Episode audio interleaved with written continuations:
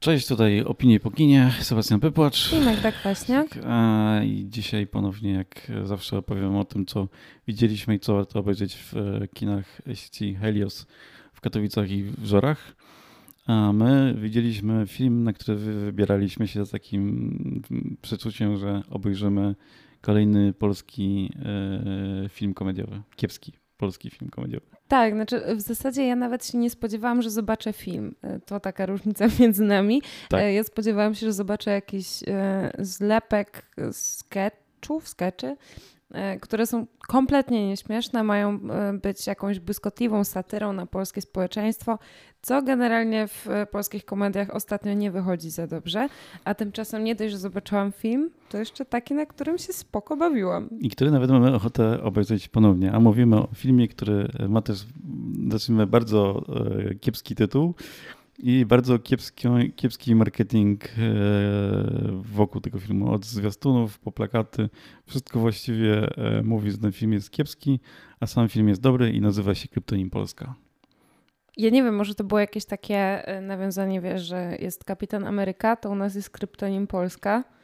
I, i może Czy ten to, tytuł, tam, e, jak już ustaliliśmy chodziło. po filmie, e, wynika trochę z fabuły, ale myślę, że dla ludzi, którzy filmu nie widzieli, e, w żaden sposób nie zachęca do tego, żeby po niego sięgnąć i pójść do kina. Absolutnie. Jakby może jedyną rzeczą, a w zasadzie osobą, która mogłaby przekonać do tego, że to nie będzie aż tak złe, jak się wydaje, jest odtwórca głównej roli, w sumie nawet obsada, minus Antoni Królikowski, bo jest i, i Maciej Musiałowski, który jest gdzieś tam taką schodzącą, można powiedzieć, gwiazdą e, kina polskiego. E, I jest Borys Szyc, e, który już tutaj, spoiler, wypada w swojej roli bardzo dobrze. Borys Szyc gra tym razem nie nazistę, tylko neonazistę. E, I jak to zwykle w przypadku Borysa Szyca, Romana, w tej nie myli, roli... nie mylić z Giertychem. w, tej, w tej roli wypada naprawdę super. A może to było nawet jakieś takie, wiesz, inspired? Nie, nie no, myślę w ogóle, że e, najmocniejszym e, e, punktem tego filmu są aktorzy. Oprócz -hmm. tego nieszczęsnego Antoniego Kurylikowskiego, który trochę jakby nawet nie grał tego, po prostu przyszedł na plan. Tak. I on naprawdę pojawia się bardzo krótko na ekranie, a już zdążył mnie zdenerwować bezsensem swojego istnienia tam. Tak, tak tutaj nawet Cezary, Cezary Pazura, który pojawia się dosłownie też dwa razy, to ma też coś do zagrania i nawet to jest jakieś takie ciekawa postać i i, i, jest potrzebna w tym filmie. Mhm, a to jest taka postać, która coś w ogóle wnosi. Wiecie, on, Pazura gra e, takiego przedsiębiorcę, który zapytany o podwyżkę radzi młodemu chłopakowi, żeby kupił sobie żeńszeń i się suplementował i dzięki temu będzie miał siłę do ciężkiej pracy. No on to nazwał inaczej, ale tak powiedzmy. Tak, tak. No, ten film w ogóle gra takimi e, stereotypami, ale robi to w taki mm, przyjemny, nie wiem, sposób. Ale to, ja zakładam, że to jest raczej zasługa aktorów, którzy coś z tych e, stereotypów wyciągają i jakoś coś e, mm, nie wiem, tak jakoś żywiej przynoszą na, na ekran niż robienie z tego po prostu kabaretu. Bo to no mógł tak, być kabaret. Y, to mógł być kabaret, zdecydowanie, ale też wydaje mi się, że te dialogi, mimo tego, że były napisane kabaretowo, y, jakoś dawały chociaż pole do popisu, nie? Bo mhm. gdyby one były napisane tak już fatalnie, no to nic by się z tego nie dało wyciągnąć, bo ogólnie nie powiedzieliśmy, o czym w ogóle opowiada Kryptonim Polska, y, a opowiada o środowisku neonazistowskim z Białego Stoku, które zorganizowało między innymi obchody urodzin Hitlera i, i w sumie to też mamy pokazane w zwiastunie. Tak też zaczyna się sam film od sceny, którą w całości mamy pokazaną w zwiastunie. E, I co? No i do nich przynależy taki chłopaczek, w tej roli właśnie Musiałowski, który w sumie nie do końca wierzy w to, co oni tam mówią, ale tak z braku laku i z braku przynależności do innej grupy trafia właśnie tam. A że się zakochuje w dziewczynie o poglądach lewicowych, no to mamy cały plot już w sumie. Mhm, tak, cały plot, chociaż tam dzieje się więcej rzeczy, nawet są inne wątki romantyczne, które są nawet bardziej... Bardziej ciekawe, bardziej tak. Ciekawsze tego, to, tego co, co widzimy e, w przypadku głównych bohaterów. No i jest dużo takich wątków pobocznych, które, e, które właściwie próbują i całkiem w udany sposób stawiają, wskazują problemy współczesnej Polski, takie społeczne. Mhm. Mm. I jestem zaskakująco, jest bardzo zaskoczony tym, jak, jak sprawnie to w tym filmie się wydarzyło, bo no jak przypomnimy sobie ostatnie filmy, które próbowały robić takie rzeczy, no to to nawet w sumie Smarzowski trochę poległ. Tak, ostatnio. to nawet Smarzowski poległ, bo e, Smarzowski znowu idzie, z, przyginał w tą stronę, zróbmy to zbyt e, bardzo na poważnie i to polski się Bardzo też jednostronnie, nie? I, I to jest problem. Znaczy, ten film też jest jednostronny, ale z tego względu, że wziął się za środowiska bardzo radykalne, e, które gdzieś tam jest trudno bronić, a mimo wszystko w, no, Musiałowski mówi na ekranie rzeczy, które diagnozują, dlaczego on się w ogóle znalazł w tym skrajnym środowisku, tak? No i na przykład tam zwraca uwagę na to, że, że jedyne co ma poza tym skrajnym znaczy... środowiskiem to jest pogarda, która go dotyka.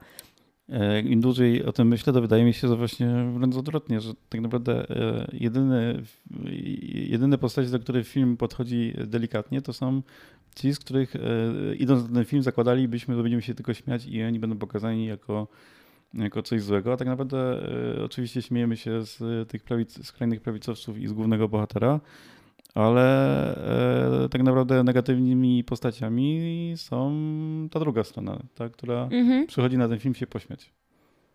Tak, znaczy no, no w zasadzie trochę masz rację, ale z drugiej strony wiesz, na ekranie mamy jakąś taki e, nie wiem, analizę zachowań tych skrajnie prawicowych środowisk, a kiedy już mamy dotknąć tych środowisk przeciwległych, że tak mm. powiem, no to mamy Pazurę, który już ustaliliśmy, że, że okej, okay, że fajnie i to jest taka no, ale jest taki pstryczek w nos e, neoliberałów. postacią. Tak, jest jednoznacznie negatywną postacią, ale mamy też e, Królikowskiego, który... E, no, który też jest negatywną Jest postacią. negatywną postacią, ale ta rola nie jest fajna po prostu. W sensie ja uważam, że ona powinna być stamtąd wycięta i że do tych problemów można było podejść e, trochę inaczej. Dużo bardziej mi się podobała e, scena na domówce, mhm. gdzie chłopak z tych prawicowych środowisk pod przykrywką gdzieś tam musiał dołączyć do, do środowisk trochę innych. Staram się jak mogę, żeby nie spoilerować. E, I został straszliwie niefajnie obgadany mhm. przez uczestników tej imprezy, którzy powinni być tolerancyjni i otwarci. On chciał trochę do nich wyjść i się mhm. zderzył ze ścianą. I tak. to była moim zdaniem, to była bardzo dobra scena. Tylko tak się zastanawiam, czy na tle tej jaskrawości wokół tych prawicowych środowisk, czy ktoś w ogóle zwróci na to uwagę. Mhm. Wiesz o co mi chodzi, że to tak trochę, że ta krytyka wymierzona w inne środowiska trochę ginie w tym filmie. Może tak. E, na pewno to jest mocne. Aha, to może mm, zostańmy przy tym scenariuszu, bo scenariusz napisał mm, duet, który pisze polskie The Office. E, I to mnie, prawdę mówiąc, na filmie przekonał do tego, żeby jednak w końcu sięgnąć po polskie The Office, e, które też trochę chwaliłaś, a trochę tak nie do końca. Y, odczucia mam bardzo podobne co do tego filmu, nie? że y, generalnie było spoko, ale czasami te żarty były już takie no, trafione jak kulą w płot. Mhm, no to widać, że to jest to, to samo pióro. E, e, bardzo mi się też w tym filmie e, podoba muzyka, która e, po prostu była dobrana E, nie pod kątem weźmy naj, największe hity i wrzucimy je w przypadkowych momentach, kiedy bohaterowie myślą albo jadą samochodem, tylko coś ten, e, ta muzyka mm, w tym filmie e, wnosiła i mm, też wynikała jakoś na przykład z, z tego, co się dzieje, a pomimo tego trochę też dodawała jakiegoś kontekstu nie będąc tylko tłem, tylko coś wnosząc do fabuły. A dwa to lokalizacje, scenografię i, mhm. i, i, i, stroje i w ogóle taka oprawa wizualna tego filmu. Tak, w ogóle była, wszystko było takie staranne. Było staranne, ale to nie było e, serialem z TVN-u i mhm. nie wszystko wyglądało jak z Ikei, tylko jak miało wyglądać jak z Ikei, to wyglądało jak z Ikei, a jak miało wyglądać na jakieś zapuszczone miejsce, to wyglądało na zapuszczone miejsce, a jak miało być po prostu ładne dla oka, to zawsze było po prostu ładne dla oka.